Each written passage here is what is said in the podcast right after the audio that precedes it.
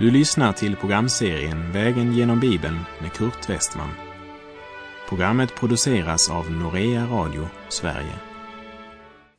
Vi befinner oss nu i Uppenbarelseboken.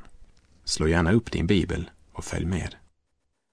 Vi har kapitel för kapitel vandrat vägen genom Bibeln. Och den sista bok vi vandrar genom på denna långa vandring, det är ju Uppenbarelseboken. Och genom Uppenbarelseboken har vi följt Johannes steg för steg. Eller kanske jag skulle säga syn för syn. Förra programmet avslutades med att havet gav igen det döda som fanns i det. Och döden och helvetet gav igen det döda som fanns i dem. Och var och en blev dömd efter sina gärningar. Döden och helvetet kastades i eldsjön och om någon inte fanns skriven i Livets bok kastades också han i eldsjön. Och i denna syn så var förtappelsen det sista Johannes såg. Men nu når hans blick ännu längre, helt in i Guds nya skaparverk. Det är som om Johannes inte vågar lyfta sin blick förrän en stark röst från tronen säger Se, nu står Guds tabernakel bland människorna och han skall bo hos dem och det ska vara hans folk och Gud själv skall vara hos dem. Vi har alltså kommit till Uppenbarelsebokens 21 kapitel där evigheten uppenbaras. Och Johannes får se in i det som är Guds barns underbara framtidsperspektiv. Och han förkunnar som det står i skriften, vad inte ett öga sett och inget öra hört och vad ingen människa har anat, det som Gud har berett åt dem som älskar honom, som det står i Första Korinterbrevet 2.9. Och när det underbara framtidsperspektivet nu återspeglas för vår blick i det 21 kapitlet så förflyttar vi oss inte bara från tid till evighet, men till en helt ny skapelse. Det är en ny himmel, en ny jord och ett nytt Jerusalem som hälsar oss välkomna. Och allt det här det uppenbarar för oss att trons goda kamp handlar inte bara om kamp, svårigheter och lidanden. Det handlar inte bara om en vandring under korset och om att befrias från ondskans andemakter. Men det handlar om att göra sig redo till den stora underbara bröllopsfesten. Det handlar om Lammets bröllop och en evig salighet. Vårt liv och vår vandring är en väntetid och förberedelsetid. Och ju närmare vi kommer den stora dagen, desto mer växer vår längtan och förväntan. Man kan liksom förnimma att det är glädje i luften, mitt i allt som kan möta Lammets brud på hennes vandring genom Tåredalen. När Guds barn får ändetidsperspektivet uppenbarat för sina hjärtan så inser vi att ordet om Guds fruktan och helgelse är något som vi måste ta på största allvar. Därför skriver också Paulus så här i Titus brevs andra kapitel. Ty Guds nåd har uppenbarats till frälsning för alla människor. Den fostrar oss att säga nej till ogudaktighet och världsliga begär och att leva anständigt rättfärdigt och gudfruktigt i den tid som nu är, medan vi väntar på det saliga hoppet att vår store Gud och frälsare Jesus Kristus ska träda fram i härlighet. Han har offrat sig själv för oss för att friköpa oss från all laglöshet och rena åt sig ett egendomsfolk som är uppfyllt av iver att göra goda gärningar. Helgelse och gudsfruktan, vad är väl naturligare än det för den brud som förbereder sig på att förenas med sin brudgum, sin Herre och Frälsare. Stunden har kommit då han som sitter på tronen säger sitt Se, jag gör allting nytt. Vi läser Uppenbarelseboken 21, vers 1. Och jag såg en ny himmel och en ny jord, ty den första himlen och den första jorden hade försvunnit och havet fanns inte mer. Domsbasunen har tystnat och det under som skedde i skapelsens början upprepas när jorden och det verk som är på den inte mer finns till. Hör vad Petrus skriver i sitt andra brev kapitel 3, verserna 10 till och med 13. Men Herrens dag kommer som en tjuv och då ska himlarna försvinna under våldsamt dån och himlakroppar upplösas av hetta och jorden och det verk som är på den inte mer finnas till. Då nu allt detta går mot sin upplösning, hur heligt och gudfruktigt ska ni då inte leva medan ni väntar på Guds dag och påskyndar dess ankomst? Den dag som får himlar att upplösas i eld och himlakroppar att smälta av hetta. Men nya himlar och en ny jord där rättfärdighet bor väntar vi på efter hans löfte.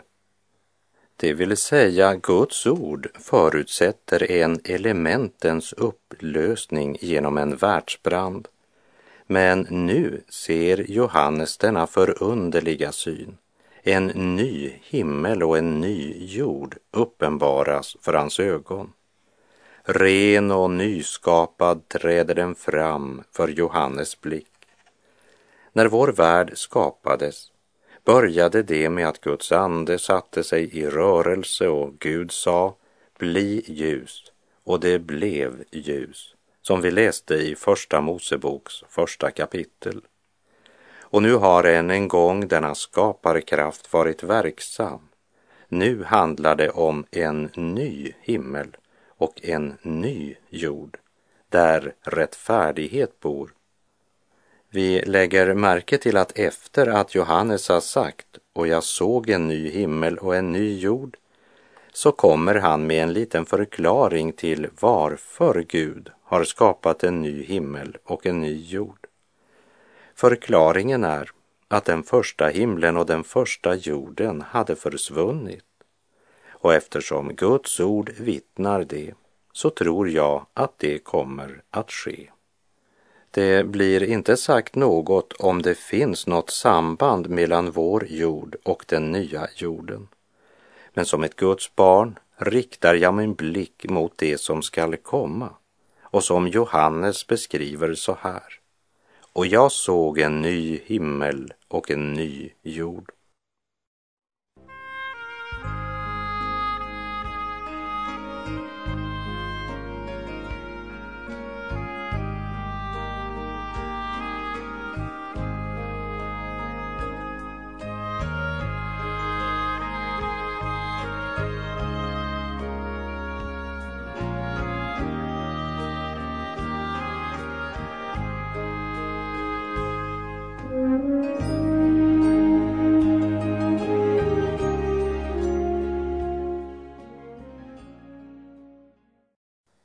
Innan vi vandrar vidare från den första versen i kapitel 21 så ska vi se lite närmare på orden och havet fanns inte mer.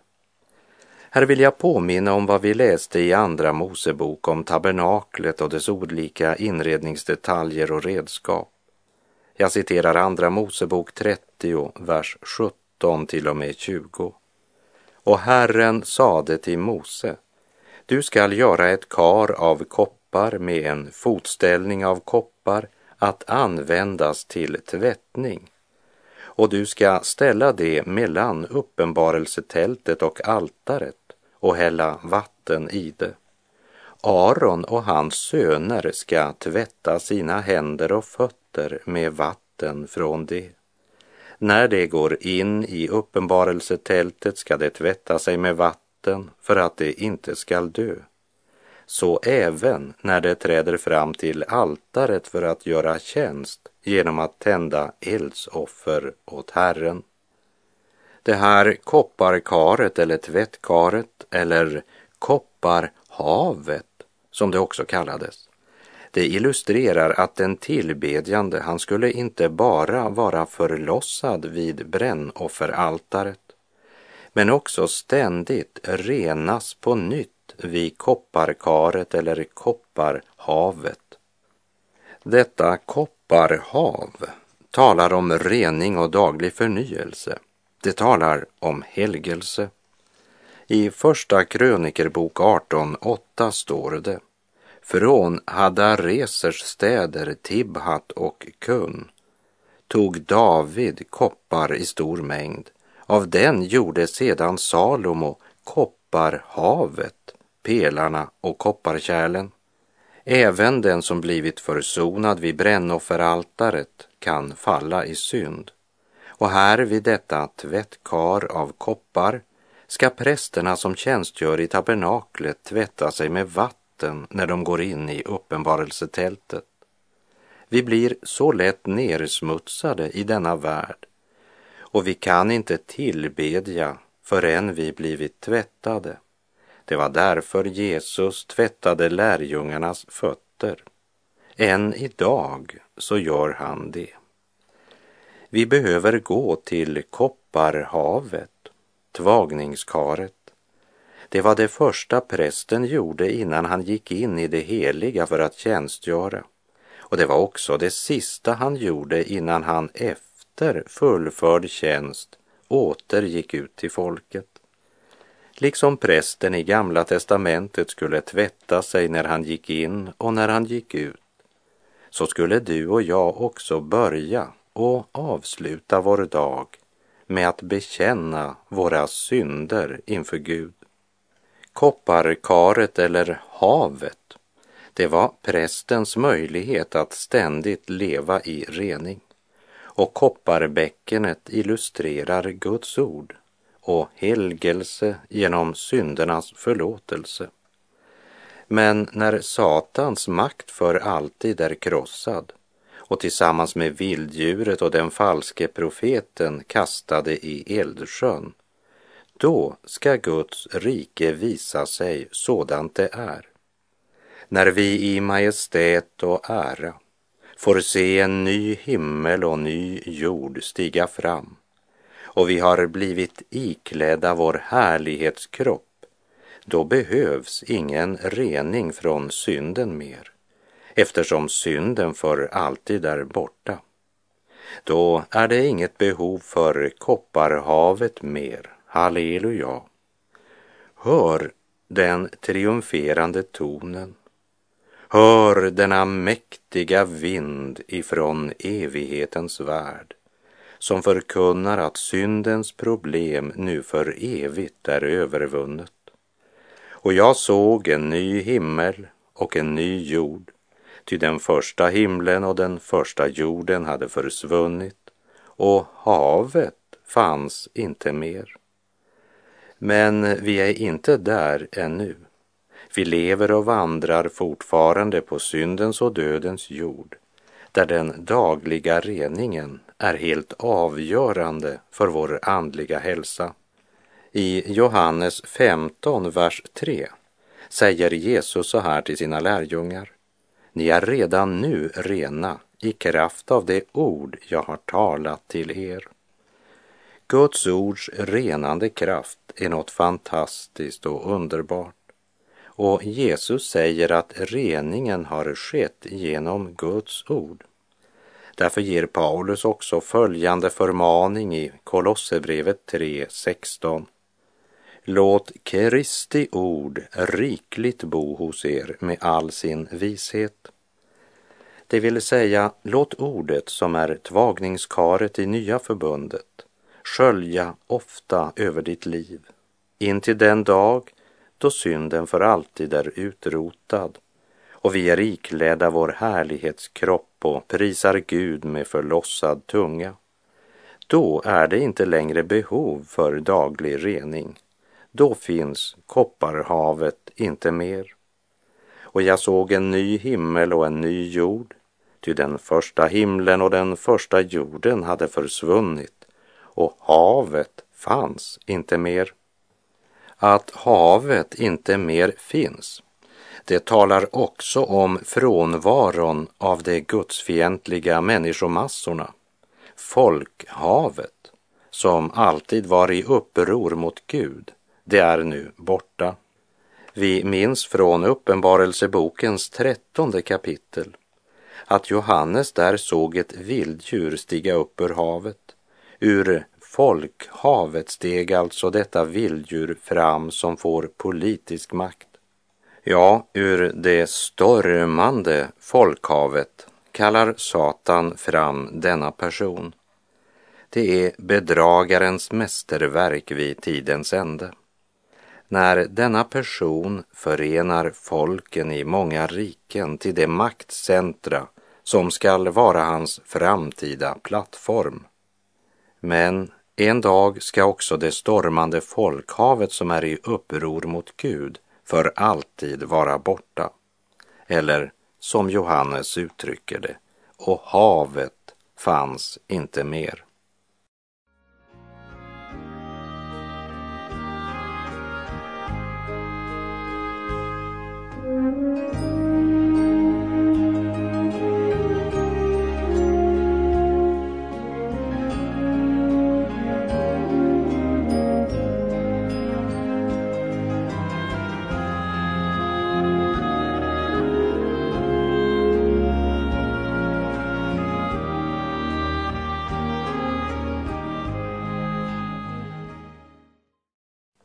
Vi läser Uppenbarelseboken 21, vers 2. Och jag såg den heliga staden, det nya Jerusalem, komma ner från himlen, från Gud, redo som en brud som är smyckad för sin brudgum. När det gäller den nya himlen och den nya jorden så får vi inte veta något om hur det förverkligas. Men orden i Petrus andra brev kapitel 3 som säger att då ska himlarna försvinna under våldsamt dån och himlakroppar upplösas av hetta och jorden och det verk som är på den inte mer finnas till. Det kan ju tyda på att det sker genom en tillintetgörelse av det gamla universet. Men därmed vill jag inte utesluta att löftet om en ny himmel och en ny jord förverkligas genom en förvandling. Jag tänker på det Paulus skriver i Första Korinterbrevet 15, verserna 35 till och med 38. Nu kan någon fråga, hur uppstår de döda? Vad för slags kropp har det när det kommer? Du oförståndige, vad du sår får inte liv om det inte dör. Och vad du sår har inte den gestalt som skall bli till, utan är ett naket korn, kanske av vete eller av något annat slag, men Gud ger det en sådan gestalt som han har velat och åt varje frödes egen gestalt. Och första Korinthierbrevet 15, vers 42 och 43 säger Så är det också med det dödas uppståndelse. Det som sås förgängligt uppstår oförgängligt. Det som sås i vanära uppstår i härlighet. Det som sås i svaghet uppstår i kraft. Och första Korinterbrevet 15, vers 51 till och med 53 säger Se, jag säger er en hemlighet. Vi ska inte alla avsomna, men vi skall alla förvandlas i ett nu, på ett ögonblick, vid den sista basunens ljud. Ty basunen skall ljuda och de döda skall uppstå odödliga och vi skall förvandlas. Ty detta förgängliga måste kläs i oförgänglighet och detta dödliga kläs i odödlighet. liksom alla sanna Guds barn som lever när den sista basunen ljuder ska förvandlas i ett ögonblick, ska uppenbart också skapelsen förvandlas och uppstå i härlighet och kraft och då iklädas oförgänglighet och odödlighet. Först ser Johannes en ny himmel och en ny jord eftersom den gamla syndens värld med all orättfärdighet nu för alltid är borta. Därefter ser han den heliga staden, det nya Jerusalem. Och det nya Jerusalem innefattar också den församling som bor där, den triumferande Kristi kyrka som redan nu har sitt hem i himlen. Men vi har vårt medborgarskap i himlen och därifrån väntar vi Herren Jesus Kristus som frälsare. Han skall förvandla vår bräckliga kropp så att den blir lik den kropp han har i sin härlighet. Ty han har makt att lägga allt under sig, skriver Paulus i Filipperbrevet 3, vers 20 och 21. Och i Kolosserbrevet 3, verserna 2 till och med 4 ger han följande förmaning. Tänk på det som är där ovan, inte på det som är på jorden. Ty ni har dött och ert liv är dolt med Kristus i Gud. När Kristus träder fram, han som är vårt liv, då ska också ni träda fram i härlighet tillsammans med honom. Petrus säger så här i Petrus andra brev kapitel 3, vers 13. Men nya himlar och en ny jord där rättfärdighet bor väntar vi på efter hans löfte. Och det är precis detsamma Johannes uttrycker med orden och havet fanns inte mer. Den nya världen lever i lydnad för sin skapare och det är inte det gamla Jerusalem som renoverats, utan det handlar om ett nytt Jerusalem som inte är av jorden, men som kommer ner från himlen. I Galaterbrevet 4, vers 25 och 26 säger Paulus Ordet Hagar betecknar Sinai berg i Arabien och motsvarar det nuvarande Jerusalem eftersom de lever i slaveri med sina barn. Men det himmelska Jerusalem är fritt och det är vår moder. Vi läser än en gång Uppenbarelseboken 21, vers 2. Och jag såg den heliga staden, det nya Jerusalem, komma ner från himlen, från Gud redo som en brud som är smyckad för sin brudgum. Två saker sägs om bruden, det troendes församling. För det första, hon är redo. För det andra, hon är smyckad. Lammets brud är redo, i motsats till alla dem som inte är redo, men inte inser det förrän det är för sent. Och här tänker jag inte på alla Guds förnekare och ogudaktiga, men på dem som menade om sig själva att de tillhörde dem som väntade på brudgummen. Här går mina tankar till vad vi läste när vi vandrade genom Matteus evangeliets 25 kapitel, nämligen Jesu liknelse om de tio jungfrurna som gick ut för att möta brudgummen. Bröllopstraditionen den gången, det var att jungfrurna gick ut för att möta brudgummen och bruden som kom från vigselceremonin till bröllopsfesten. Det var inte alla människor som gick ut för att möta brudgummen, men sådana som själva räknade med att få vara med vid bröllopsmåltiden. De som fått inbjudan och sagt ja. Så de som saknar olja det är inte en bild på den icke-kristne, men på en bekännare som bedrar sig själv. En som har många av de yttre kännetecknen men ändå inte är redo att möta Gud. Bruden Johannes ser är redo. Och för det andra, hon är smyckad.